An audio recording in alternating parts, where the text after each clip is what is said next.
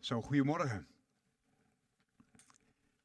Wat fijn om, eh, om hier weer even te staan en eh, iets, iets te mogen delen met jullie. En, en eh, twee weken geleden open ik hier de dienst en, en ben ik maar heel vroeg van huis gegaan op mijn fietsje, omdat ik door een berg sneeuw heen moest van 25 centimeter hoog.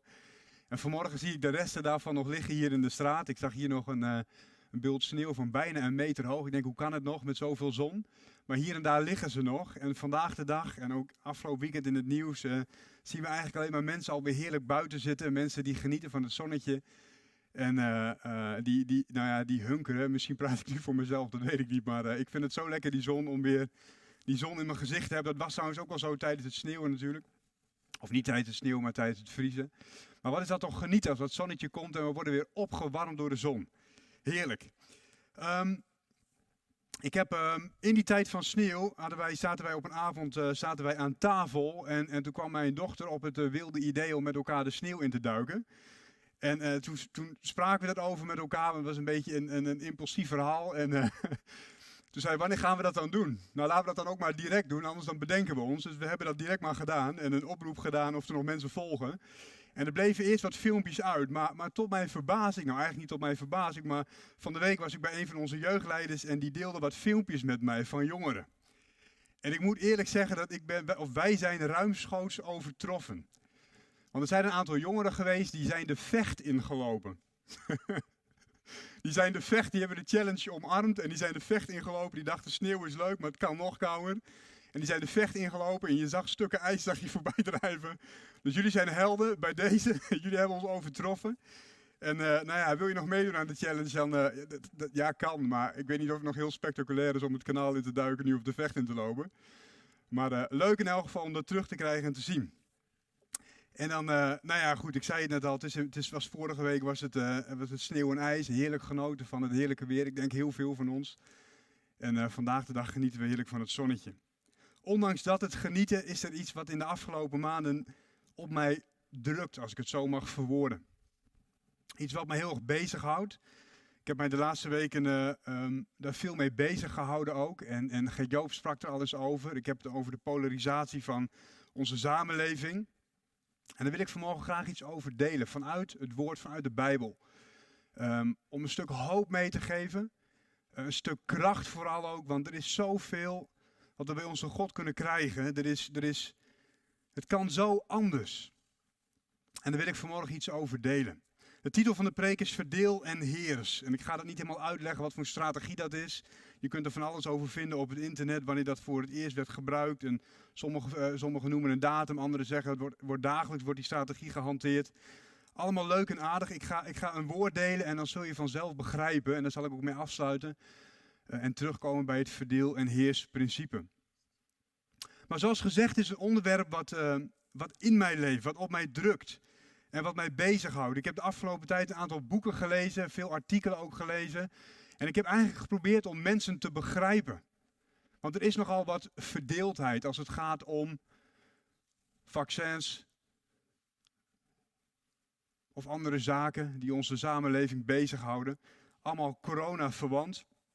Maar voordat ik daarna ga kijken met jullie, wil ik eens even kijken naar het begrip polarisatie. Wat is dat nou eigenlijk? En Joop heeft een aantal weken geleden heel goed verwoord en heel mooi verwoord wat de kracht van onze woorden is. hoe we soms goed bedoeld dingen kunnen zeggen die toch weer heel anders overkomen. Nou, ik denk dat we allemaal dat wel kennen. Als we het niet face-to-face doen, maar via Facebook of via de, de, de, de chat of de WhatsApp of whatever, dan komen dingen soms heel anders over. Maar wat is eigenlijk polarisatie? Polarisatie betekent niets anders. Dat is een proces eh, van, eh, van, van een toenemend wij-zij-denken. Dus wij staan hier aan de ene kant en daar staat een groep mensen aan de andere kant. En voor hun is natuurlijk hetzelfde. Wij staan hier aan de ene kant en zij staan daar aan de andere kant. Polarisatie is een toenemend wij-zij-denken. Het is een proces waarbij de tegenstellingen tussen groepen kunnen er in principe meerdere zijn natuurlijk. Maar vandaag beperk ik mij even voor het gemak tot twee groepen. Het is een proces waarbij de tegenstellingen tussen groepen in de samenleving sterker worden. Waardoor groepen steeds meer tegenover elkaar komen te staan. Dus niet meer hand in hand, maar tegenover elkaar komen te staan. En ik denk dat ik, uh, uh, dat ik je niet hoef te vertellen dat we dat echt wel zien. Nou, niet de laatste week, de laatste maanden. In kerk wordt er veel over gesproken, in de media wordt er ontzettend veel over gesproken. Maar we zien het om ons heen gebeuren. We zien het soms in gezinnen, we zien het soms in families, ehm, die ook verschillend denken over dingen die nu plaatsvinden. Het speelt heel heftig, heel sterk. Ik vraag me af, hoe kan het zo sterk spelen en welke groepen staan dan eigenlijk tegenover elkaar? In Nederland, met 17 miljoen mensen, met 17 miljoen verschillende meningen, ga ik vanmorgen niet 17 miljoen groepen kenmerken. Maar ik beperk mij tot twee. En, en noem het maar even de twee uitersten. om in elk geval het principe duidelijk te maken. Dus ik neem twee groepen. En de eerste groep, laat ik zeggen dat die hier staat, de eerste groep aan deze kant van mij. Deze groep die twijfelt niet aan de overheid. De groep die erkent, er is, een, er is een virus, we moeten dit met elkaar doen, we moeten maatregelen treffen. Het is goed wat de overheid doet en, en uh, we vertrouwen de overheid daarin. En um, we moeten dit met elkaar doen, want samen komen we hierdoor. En, en als het moeilijk is, dan bemoedigen we elkaar daarmee. En, en dan zeg je nog even volhouden, nog even volhouden. En dat is eigenlijk in grote lijnen wat de eerste groep kenmerkt. Een vertrouwen in de overheid. We dragen allemaal een steentje bij. We doen dit met elkaar. En met elkaar krijgen we corona eronder. De andere groep die aan deze kant van mij staat, die staat er heel anders in. Die staat er nou, misschien wel wat meer wantrouwend in. Moeten we de overheid eigenlijk wel vertrouwen hierin? Hebben ze het wel bij het rechtereind? Misschien twijfelen ze niet eens aan het vertrouwen van de overheid, maar in elk geval aan het beleid wat gekozen is. Is dat virus waar we het over hebben, is dat virus eigenlijk wel zo heftig? Is dat niet gewoon een stevige griep met misschien wat heftigere verschijnselen? Deze groep ervaart ook de vele regels, of, of de regels of de maatregelen als beperkingen van de vrijheid. Al die dingen beperken mij in mijn doen en laten. Ze nemen een stukje vrijheid van mij als individu af. En ik denk dat ik zo in grote lijnen, en dan noem ik nog niet eens het vaccineren, want vaak aan deze kant van de streep of deze kant van het dilemma of van het vraagstuk twijfelen mensen heel sterk over vaccinatie. Terwijl als je aan deze kant staat, dan wordt dat gezien als de oplossing. Want als we dat hebben, dan kunnen we weer terug. Is dat het begin van het teruggaan naar de normale situatie. Ik denk dat ik zo aardig, helder weergeef welke twee, grofweg, welke twee grote groepen er zich op dit moment, of op dit moment zijn in onze maatschappij. De vraag is echter, hoe kijken deze groepen naar elkaar en wat vinden ze van elkaar? Nou, de ene groep, groep 1, die staat een beetje naar de andere kant te kijken inmiddels en die denkt van, het zijn stuk voor stuk complotdenkers. Het zijn opstandige schapen, ze weten het altijd beter, ze hebben het alleen maar over hun eigen vrijheid, wel of niet vaccineren, asociaal gedrag, want we doen het toch met elkaar en met elkaar moeten we dat virus eronder krijgen. Terwijl aan de andere kant staat een groep, maar bijna met het handen in het haar, die zegt, zie je het dan niet? Zie je dan niet dat je verblind wordt door de mainstream media? Zie je dan niet dat je allemaal dingen worden voorgelegd en dat je langzamerhand in een fuik zwemt? De val loopt? Ze voelen zich in een hoekje gedrukt als complotdenker. Ik ben gewoon kritisch over het beleid.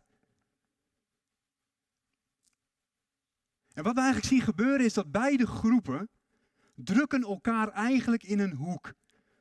Door te stigmatiseren of door elkaar een stempel op te drukken. Complotdenker, opstandig schaap. Je denkt alleen maar aan jezelf.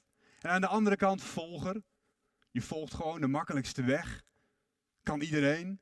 Je hebt geen eigen mening. Je wordt verblind. En zo roepen we elkaar en gooien we elkaar allerlei verwensingen toe. We veroordelen elkaar. We drukken elkaar in een hoekje of in een hoek. Wat gebeurt er eigenlijk als we dat doen? Wat gebeurt er eigenlijk als we als maatschappij op deze manier met elkaar omgaan? Er valt namelijk iets weg. Er wordt namelijk niet langer eerlijk en oprecht gecommuniceerd als we op deze manier verder gaan. Als we ons op deze manier laten wegzetten of de ander wegzetten op deze manier. Er wordt niet eerlijk meer gecommuniceerd. Sterker nog, een gezonde manier van communicatie begint daarmee in het proces van polarisatie steeds meer te verdwijnen. Jullie doen dit, jullie vinden zus, jullie doen dat en jullie vinden zo. groepen komen in een proces, in een proces van polarisatie, wat, er niet, wat, niet, wat een proces is, dus niet van één dag is, steeds verder uit elkaar worden ze gedreven en komen tegenover elkaar te staan. De communicatie valt weg doordat we elkaar in een hoekje of in een hoek drukken.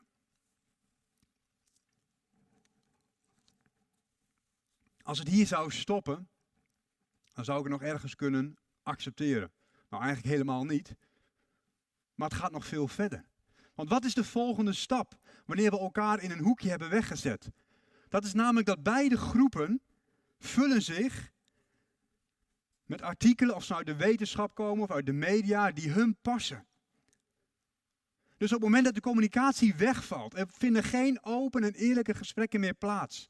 Wat je dan alleen maar ziet in een situatie van haat en verdeeldheid, is dat men zich alleen maar dieper en dieper gaat inwortelen. En dat gebeurt aan beide kanten. Ik wijs vanmorgen niet een zwart schaap aan of een schuldige. Ik vertel je ook niet hoe ik erin sta. Ik heb me alleen de afgelopen weken heb ik me verdiept in beide denkwijzen. Ik hoop dat ik dat zo mag zeggen. En dan zal ik heel veel overslaan en heel veel niet gezien hebben. Maar ik wilde begrijpen wat er speelt en begrijpen hoe dit werkt. En ook ervaren wat deze mensen hier zeggen. Is een keer iets kritisch opperen bij een aantal mensen en dan voelen hoe je voor gek verklaard wordt.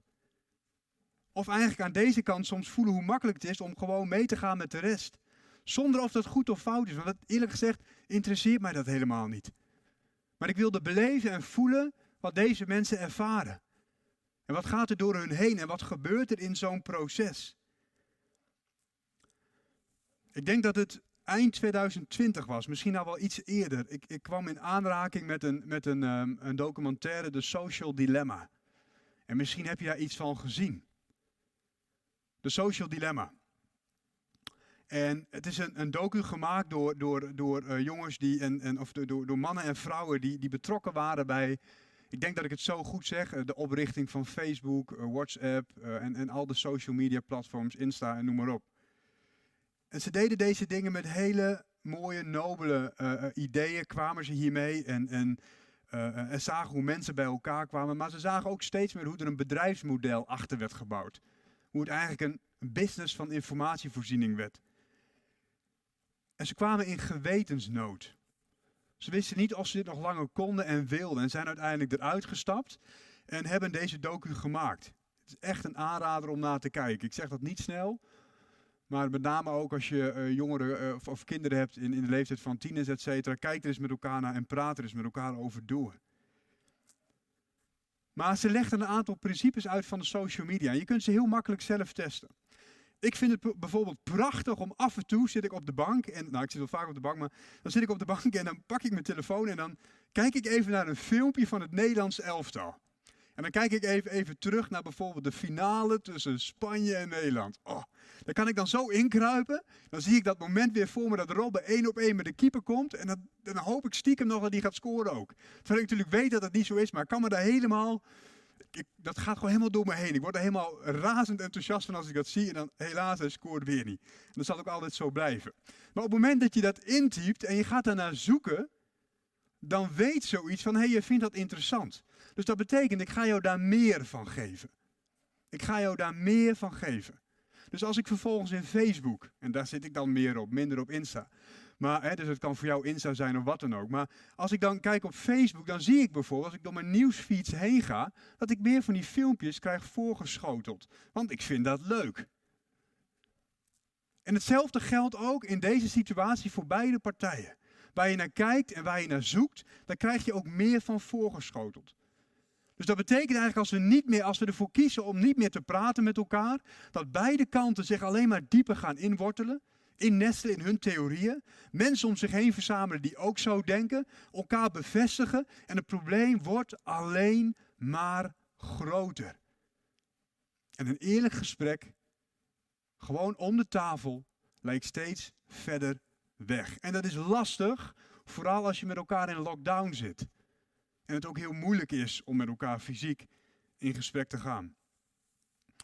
Maar wat je ziet in die systemen is dat als je door je nieuwsfiets heen gaat, kijk je ergens een seconde na of twee seconden, dat wordt er al uitgepikt. Het doet niets anders dan lezen van jouw behoeftes. Je zou ook kunnen zeggen dat het leest jouw begeerte. Want het is begeerte gericht. Het is verlangens gericht. Het gaat jou geven waar je naar verlangt. En dan kan natuurlijk, je voelt het aankomen, twee kanten opgaan. De Bijbel spreekt over niet het vlees, niet de begeerte van het vlees, maar leef naar de geest en laat je vullen met God. En wie hij is en kom bij hem. Conclusie tot nu toe. Beide partijen komen steeds verder uit elkaar te staan. En je mag het eens of oneens met mij zijn hoe ik de, de groepen beschrijf. Ik probeer daarin niet te veroordelen. Ik probeer daarin een groepen te schetsen. Ehm, nou, misschien mag ik wel zeggen, net zoals Jezus soms twee extremen tegenover elkaar zet. En je vindt je er misschien gedeeltelijk in. Misschien zeg je, ja, maar ik sta hier ergens, of ik sta een beetje hier, of ik sta misschien een beetje meer deze kant op. Dat mag allemaal. Dat gaat, het gaat me vanmorgen niet om wat goed of fout is. Het gaat me er ook niet zozeer om wat er gezegd wordt en ehm, wat de argumenten daarvoor zijn. Ik probeer alleen een plaatje te schetsen van wat polarisatie doet en hoe het werkt. Volgende vraag. In een sfeer van verdeeldheid. Welke geestelijke macht wrijft er hier in zijn handjes? Welke geestelijke macht wrijft er in zijn handen waar verdeeldheid leidt tot meer verdeeldheid? Wie geniet er als landen verscheuren intern of landen tegen elkaar, tegenover elkaar komen te staan? Wie geniet er bij het zien van een toenemende mate van verdeeldheid? In landen, in families, in gezinnen, in huwelijken. Wie wrijft er in zijn handjes en lacht? En ziet de vruchten van zijn eigen bediening werkelijkheid worden. Wie geniet er als families door ruzies uit elkaar vallen? Wie geniet er als polarisatie onderdeel wordt van het lichaam van Jezus? Wie geniet daarvan? Wie wrijft er in zijn handjes? Wie wreef er in zijn handen en lachte toe toen Adam en Eva uit de hof werden geplaatst? En er vond een scheiding plaats tussen God en mens doordat God niet meer op de eerste plek werd gezet. Wie wreef er in zijn handen? Toen Jozef in de put werd geworpen en werd afgevoerd vervolgens richting Egypte. Zijn vader en moeder dachten dat hij dood was en de rest van zijn familie. De broers hun leven lang het verdriet van hun vader zagen met pijn in hun hart. Wat een verscheurde familie. Wie lachte er op het moment dat de fariseeën het volk aanmoedigden om Jezus te kruisigen? Omdat ze dachten daar goed aan te doen. Ze dachten dat ze de waarheid naast, ze dachten dat ze voor iets nobels streefden, vochten. Wie lachte er toen Jezus aan het kruis ging? Gelukkig liep het verhaal uiteindelijk anders af, want zijn kruisiging was noodzakelijk. Maar wie lachte er toen het volk Israël uiteenviel en niet langer een eenheid was? Wie wreef er in zijn handen? Wie juichte van geluk? Wie lachte er toen het volk Israël in ballingschap ging?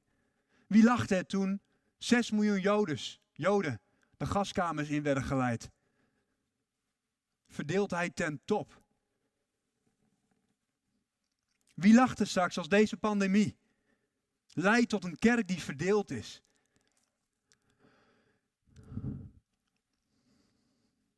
Leidt tot een kerk die uit elkaar valt.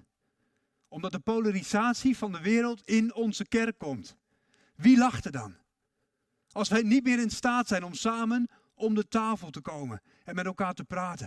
En naar elkaar te luisteren en proberen elkaar te begrijpen. Los van of we het eens zijn met elkaar of niet. Wie lacht er als er straks na deze pandemie een restantje kerk overblijft, verdeeld? Terwijl God zegt, ik heb jullie voor wat anders benoemd. De belichaming van God op aarde. Op een dag komt er een man bij Jezus. Of hij wordt eigenlijk bij hem gebracht, zoals zo vaak. Iemand anders neemt iemand mee in nood en brengt hem bij Jezus. Deze man kon niet zien en hij kon niet praten. Jezus bestrafte, zag dat er een demon in deze man huisvestte. Hij bestrafte de demon, de, de, demon, hij zond hem weg. En hij genas deze man. Hij kreeg zijn stem terug en hij kreeg zijn zicht terug. Wat gebeurde er op dat moment? De fariseeën stonden ernaar te kijken. En wat ze zeiden, wat hun conclusie was, dit komt door Beelzebul. de overste van het rijk der demonen, die tegen een van zijn onderdanen heeft gezegd, ga eruit. In plaats van dat Jezus daar de eer kreeg, werd hij weggezet als onderdeel van het rijk van de duisternis. Maar Jezus zegt dan het volgende. Jezus echter kende hun gedachten. Hij kende hun gedachten. En hij zei tegen hen, Matthäus 12, vers 25, Ieder koninkrijk dat tegen zichzelf verdeeld is, wordt verwoest. En geen enkele stad of geen enkel huis dat tegen zichzelf verdeeld is, zal stand houden. Alles wat tegen zichzelf verdeeld is, verwoest zichzelf. Iedere natie, iedere familie, ieder gezin, ieder huwelijk, wat tegen zichzelf verdeeld is, raakt in de verwoesting. En gaat stuk, gaat kapot. Er komt een einde aan. Houd op. Deuteronomium 6, vers 4. Luister Israël. De Heere onze God. De Heere jullie God is één. Hij is de enige, maar hij is ook één. Wat betekent hij is heel en compleet. Dat betekent dat de volle Godheid, de heiligheid van God in hem is. De volle vrede die je ook maar kan ervaren is in hem te vinden. Hij is volledig liefde. Hij is volledig kracht, goddelijke kracht. Hij is één, hij is heel, hij is compleet. Hij is innerlijk niet verdeeld. Hij is volledig licht. In hem is geen sprankje duisternis. In hem zijn geen twijfels, maar is vol geloof te vinden. Dat is wie wij dienen, lieve broers en zussen. De God die één is, de enige, maar ook één. De God die zijn zoon naar deze aarde stuurde om voor jou te sterven, maar ook voor je broer of zus die anders denkt dan jij. Of die moeite heeft met sommige dingen. Of voor je broer en zus die wel gewoon zegt van, ik zie dit zo. En daarom die en die consequenties daaraan verbindt. Zijn zoon stierf voor ons allemaal. Voor ons allemaal. In Johannes 17, vers 20 tot en met 23, dat is een moment dat Jezus, dat is het moment voor de kruisiging. De laatste keer dat hij met zijn vrienden zit. Hij introduceert daar eerst het avondmaal aan ze. En dan, en dan neemt hij ze mee en dan gaat hij weer zitten. En uiteindelijk sluit hij af met een gebed. Een hartsverlangen naar zijn vader toe. Een verlangen wat, wat zo sterk in hem leeft. Dat hij dat te midden van zijn vrienden uitbidt naar zijn vader. En hij zegt tegen zijn vader het volgende. En ik bid niet alleen voor deze. En hij kijkt om zich heen. Ik bid niet alleen voor mijn vrienden die op dit moment om mij heen zitten. Hij zegt, ik bid, bid niet alleen voor hun. Maar ook voor hen die door de woorden van deze mannen tot mij zullen komen. Die zullen gaan geloven. Hij bidt daarvoor iedereen die komt na. Die kleine groep vrienden die om hem heen zit. De generaties die daaruit voortkwamen, of de gelovigen die daaruit voortkwamen. En daar weer voort, en daar weer voort, en daar weer voort. Het gaat over jou, het gaat over mij, het gaat over ons. Daar bidt Jezus voor. Vers 21, opdat zij allen één zijn. Zoals u, Vader, in mij en ik in u. Dat ook zij in ons één zullen zijn. Opdat de wereld zou geloven dat u mij gezonden hebt. En ik heb hun de heerlijkheid gegeven die u mij gegeven hebt, opdat zij allen één zijn, zoals wij, Vader, één zijn. Ik in hen en u in mij, opdat zij volmaakt één zijn en opdat de wereld erkent dat u mij gezonden hebt en hen lief hebt gehad, zoals u mij hebt lief gehad. Als er iets is in het hart van God, wat zo krachtig en zo sterk binnenin hem leeft, dat is dat zijn volgelingen, dat zijn kinderen, als één familie aan tafel kunnen komen. Als de Bijbel spreekt over eenheid, zegt de Bijbel niet dat je exact zo moet denken als de persoon naast jou. En dat er geen enkel verschil mag zijn. Nergens in de Bijbel spreekt God over het creëren van een robot. Nergens. Eenheid is een, je zou eens kunnen zeggen, een stokpaadje van God. Hoor Israël de belichaming van God op aarde op dat moment. Hoor kerk, de Heere, onze God, is één. Ik zat afgelopen week zat ik, uh, naar een programma te kijken dat ging over een tekort aan medewerkers in onze ouderenzorg. En er was een man uit de Filipijnen, die was al, nou, ik denk al inmiddels een jaar, met name door corona ook, niet meer thuis geweest. Zijn gezin was nog in de Filipijnen en hij was aan het werk in een verzorgingstehuis hier in, ergens in Nederland. Natuurlijk hebben wij de gemakken en de voordelen van het beeldscherm bellen. Maar we hebben ook allemaal gemerkt met elkaar dat dat niet echt, die, die, niet echt de, de, de intimiteit van een relatie kan weerspiegelen. We missen daarin toch heel erg veel. We zijn dankbaar met wat we kunnen doen, ook dit, het uitzenden van.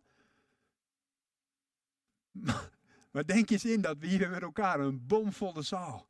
Met mensen die God loven en prijzen en het dak gaat eraf. Man, wat kan ik daar naar uitkijken?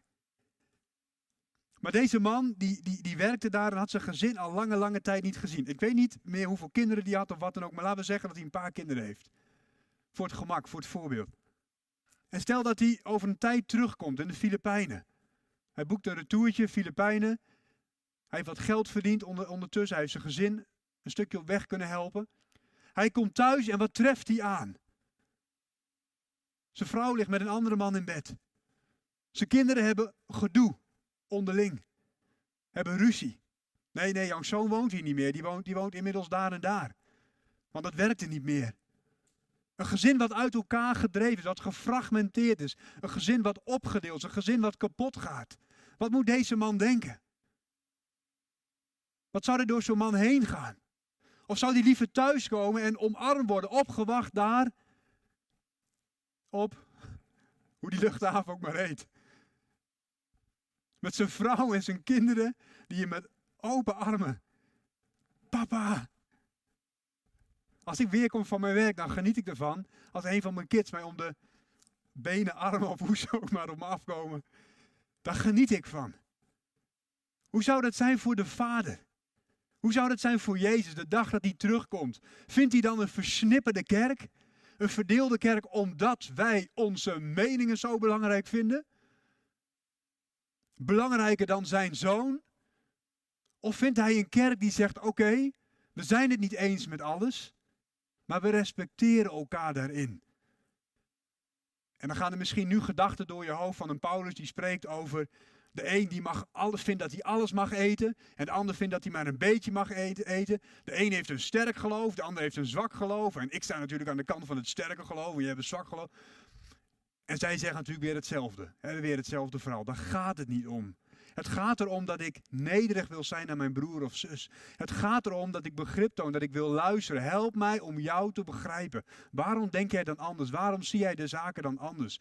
Kom aan tafel.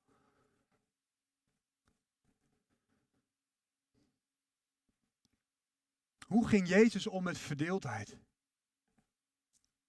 Was het rijk Israël in de tijd dat Jezus op aarde was? Waren die twaalf vrienden? Laten we daar eens op inzoomen. Was dat nou zo'n eenheid? Er zat een dokter tussen, er zaten vissers tussen. Er zat een belastinginner tussen. Een vriend van de Romeinen, de bezetter van die tijd. Als je het vertaalt naar de Tweede Wereldoorlog zou je kunnen zeggen een NSB'er. Er zat een verzetstrijder tussen, Simon de Zeeloot. Laten we eens even kijken naar die twee personages. Aan de ene kant Simon de Zeeloot, die, die, die strijdt voor vrijheid en de Romeinen onderdrukken ons. En aan de andere kant Matthäus de tollenaar, die zegt van, uh, die Romeinen die, uh, die helpen mij wel om wat extra geld uh, te verdienen. Dus die verzetstrijders, hou even op, doe even normaal en profiteer ervan.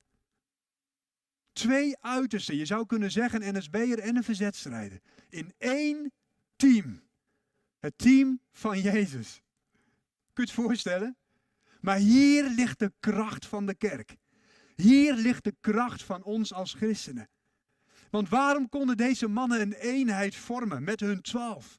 Waarom konden ze zeggen, ongeacht onze meningen, wij zijn broers van elkaar. En wij dekken onze ruggen. Ik sta voor jou in en jij staat voor mij in. Waarom konden ze dit doen? Ik kan maar één hele eenvoudige verklaring vinden. En dat is omdat Jezus in hun midden was. En hij was belangrijker dan al het andere. En als je me niet gelooft, wat gebeurde er op het moment dat Jezus gevangen werd genomen en hij werd uit hun midden weggehaald? Iedereen vlucht een eigen kant op. En het leek wel even alsof de eenheid waar Jezus zo lang aan had gewerkt, in rook opging. In een paar seconden tijd. Weg, eenheid. Een Petrus die het nog probeerde op eigen kracht. Uiteindelijk was het alleen maar Johannes die aanwezig was aan de voeten van het kruis. Alleen Johannes stond daar. En een paar vrouwen. De rest was weg. Pleiten. Foetsie. Gone. De Bijbel vertelt niet waar of hoe of. Maar wat het mij leert is dat als je Jezus uit het midden weghaalt. Als we Jezus niet langer op de troon zetten. Als hij niet langer de koning van de kerk is. De heerser der heerscharen. Als hij niet langer onze God is dan gaan andere dingen belangrijk worden. Dan gaan we die eenheid niet kunnen vasthouden met elkaar. En nu kunnen wij als christen allemaal heel vroom zeggen van ja, maar, maar, maar Jezus is mijn God, Hij is mijn nummer één. Maar als het 90% van de tijd over mijn mening gaat, probeer, probeer eens voor je te zien. Jezus met de twaalf discipelen om zich heen. 90% ging het gesprek over, moeten we wel naar de Romeinen luisteren of niet? Moet ik wel belasting betalen? Als het alleen maar daarover ging. Over dingen waar men verschillend over dacht. Dan verdwijnt de eenheid. Jezus in het midden betekent niets anders dan dat je Hem ziet als de Heer van je leven. Dat je dus alles aflegt bij Hem. Dat je dus komt bij Hem om liefde te ontvangen, omdat je door die liefde een eenheid kan zijn met je broers en zussen. That's it. Niet meer en niet minder. Als je Hem van die plek verwijdert, en je zet daar je mening neer. En je wortelt je ook nog eens flink in. En je verzamelt mensen om je heen die ook zo denken. Wie is dan nog de koning van je leven? Waar leef je dan voor? En dat kun je doen met oprechte bedoelingen. Maar wie staat er in de middelpunt van je leven? Wie is werkelijk het allerbelangrijkste voor je? Zelfs in deze tijden waarin we veel vragen hebben. Waarin we dingen moeilijk vinden. Want de hele discussie van polarisatie is voor christen misschien nog wel heftiger. Omdat wij weten dat het boek Openbaring en nog een aantal Bijbelteksten, ook uit het Oude Testament, spreken over een eindtijd, over een antichrist. En wat wij vaak doen, wij proberen de tijden in die Bijbel te krijgen. En te verklaren waarom de dingen zo werken. En dat mag je doen, je mag daarvoor staan, je mag dat belangrijk vinden. Maar het kan nooit belangrijker worden dan Jezus, de persoon, de God Jezus. Nooit. Als je daarvoor kiest, dan kies je ook voor het stoppen met het eenheid zijn, het eenheid ervaren en zijn met je broer en zus. Misschien moeten wij als kerk gaan accepteren dat we in de toekomst een kerk zijn met mensen die op een aantal fronten, en dan heb ik het niet over wie Jezus is, want dat bindt ons. En feitelijk zijn we dat al. Want in onze kerk zijn er mensen die zijn heel sterk op Israël, vinden dat ontzettend belangrijk. Andere mensen hebben daar weer wat minder mee. Weer andere mensen zijn vol van genezing. En begrijpen niet dat een ander dat geloof niet heeft. Weer een ander zegt van ja, maar de opname, verdrukking is niet voor mij. Hé, hey, ik word opgenomen voor de verdrukking. Weer een ander die zegt van ja, lekker is dat. Reken er maar op dat je door die verdrukking heen gaat. Er zijn heel veel verschillen. Hoe meer we erop in gaan zoomen, hoe groter en belangrijker de verschillen. Hoe meer we inzoomen op wie Jezus is, hoe groter de eenheid en hoe krachtiger de kerk. Onze eenheid wordt niet bepaald door onze meningen.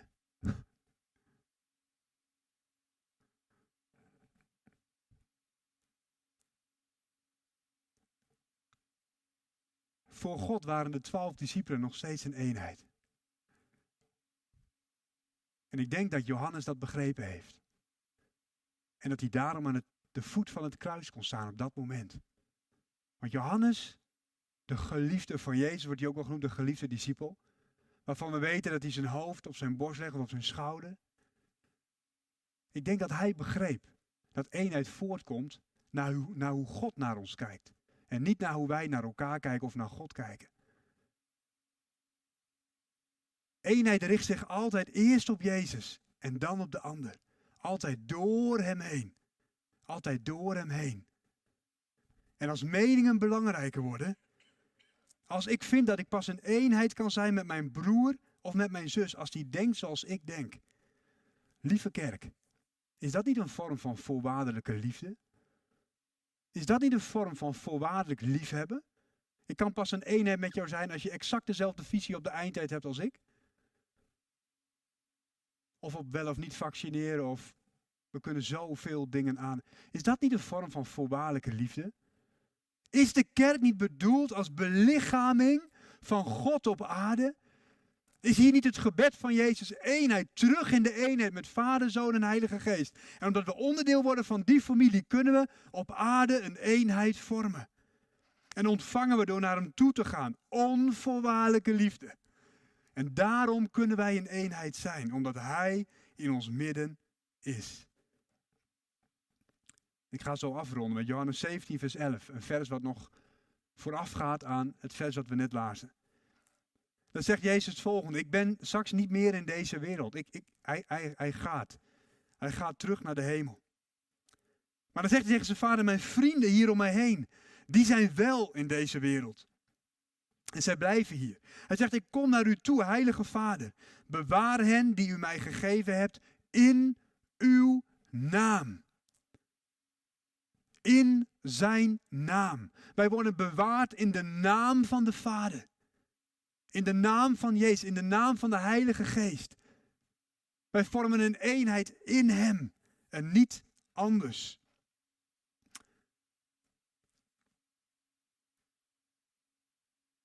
Maar wat kunnen wij doen om ervoor te zorgen dat die polarisatie geen wortel schiet in het koninkrijk van God? Hier in de wegwijzer of daarbuiten of in de wereld of noem maar op. Wat kunnen we doen? Stop met veroordelen. Stop. Stop daar direct mee. Stop met veroordelen. Jullie zijn opstandig. Jullie volgen alleen maar. Jullie zijn blind. Stop daarmee. Blijf praten met elkaar in het besef dat de eenheid van Jezus belangrijker is dan welke mening dan ook. Mensen veranderen niet op het moment dat je ze in een hoekje drukt en wegzet. Sterker nog, mensen graven zich in als je dat doet. Dus hier is de liefde van ons naar elkaar toe essentieel en belangrijk. Liefde verbindt en liefde helpt en zet mensen vrij in hun denkproces. Als je mensen wegzet in een hoekje, beroof je hun vaak onbewust van een eerlijke, eigen manier van denken. En ze wortelen zich alleen maar in. Ze gaan alleen maar dieper. Aan welke kant je ook staat. Liefde is daar het antwoord. Help me om jou te begrijpen, want ik zie het anders. Besef dat je als eenheid in Jezus, dat het kan zijn dat je op sommige vlakken moet afsluiten met de opmerking, we zijn het eens over één ding, namelijk dat we het niet met elkaar eens kunnen worden op dit onderwerp. Jij mag er anders in staan dan ik en ik dan jij. En samen vieren we onze eenheid in Jezus.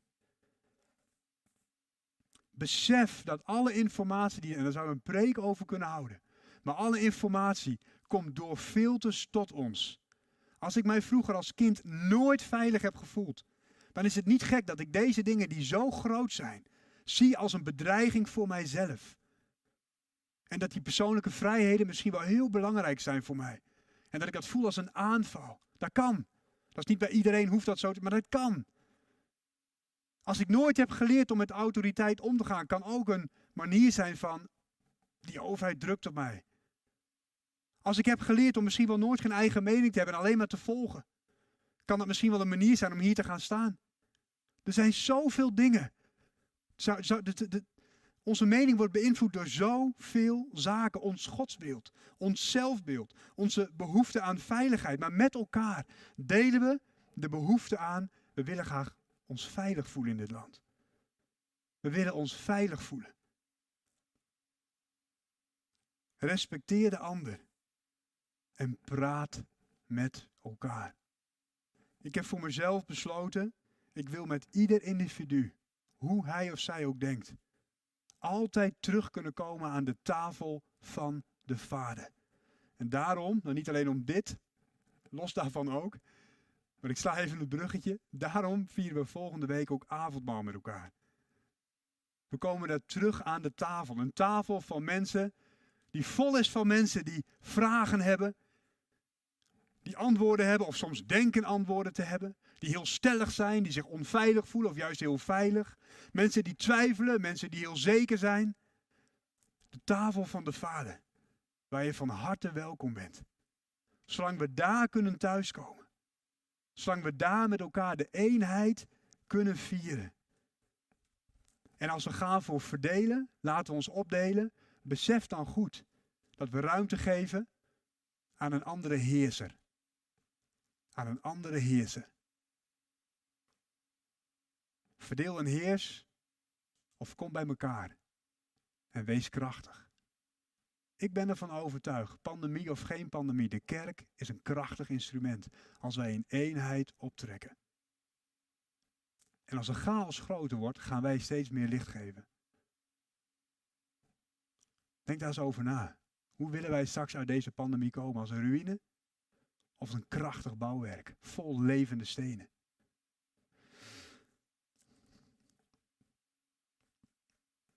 En vader, zo gaan we toe hier naar de afronding van deze dienst. In het beseffen, Heer, dat we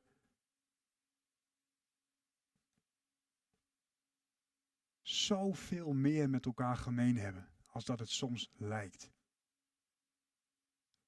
Heer, we vergaderen ons om uw Zoon Jezus Christus heen en we zijn blij en dankbaar dat u ons roept tot de eenheid, Vader, Zoon en Heilige Geest, dat u ons roept tot uw familie. Dat wij daar weten, we zijn één en dat we vanuit die gedachtenis met elkaar ook één kunnen zijn.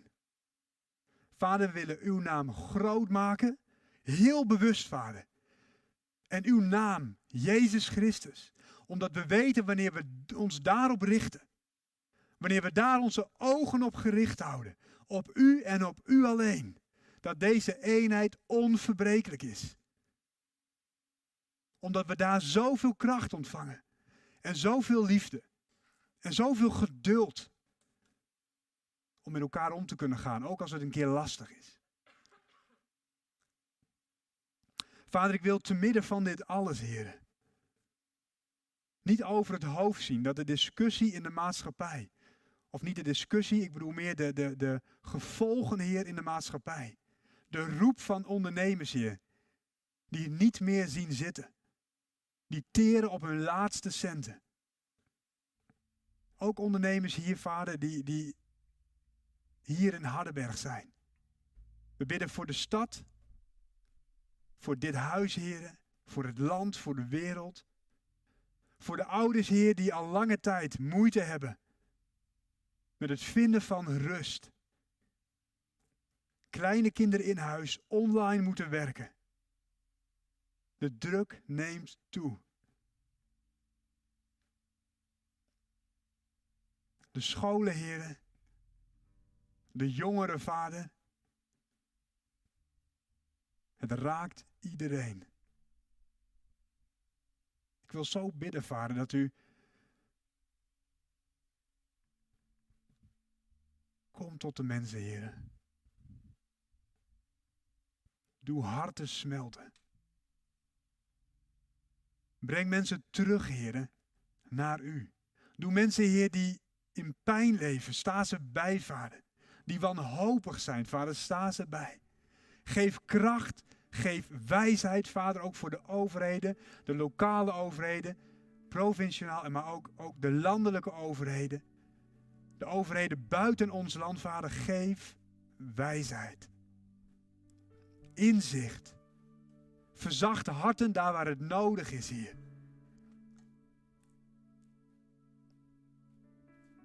Vader, laat deze druk die op ons drukt, de moeites, geef Heer dat ze ons doen zien op het eeuwige. Trek ons, Heer, uit ons perspectief. Neem ons mee, Heer, op uw vleugels. Boven de problematiek van ons als kerk of maatschappij of individu of wie dan ook. De dingen die ons hinderen, die we moeilijk vinden, die we lastig vinden. De vragen, de twijfels. de schade, financieel en alles daaromheen, Heer. Til ons op. En laat ons zien, Heer, wie is dan die eeuwige? Geef ons vrijmoedigheid om te komen tot die troon, Heer. De troon van genade. Heer, ik wil ook bidden voor iedereen die zoekend is en die vanmorgen kijkt en die zegt van, deze preek is vooral ook gericht op de gemeente, maar het onderwerp, Heer, is iets wat ons allemaal raakt. Ik wil zo bidden, Heer, voor diegene die zoekend is. Dat je je mag richten op de dingen die eeuwig zijn. Toon uzelf, Vader. Toon uzelf. In Jezus' naam. Amen.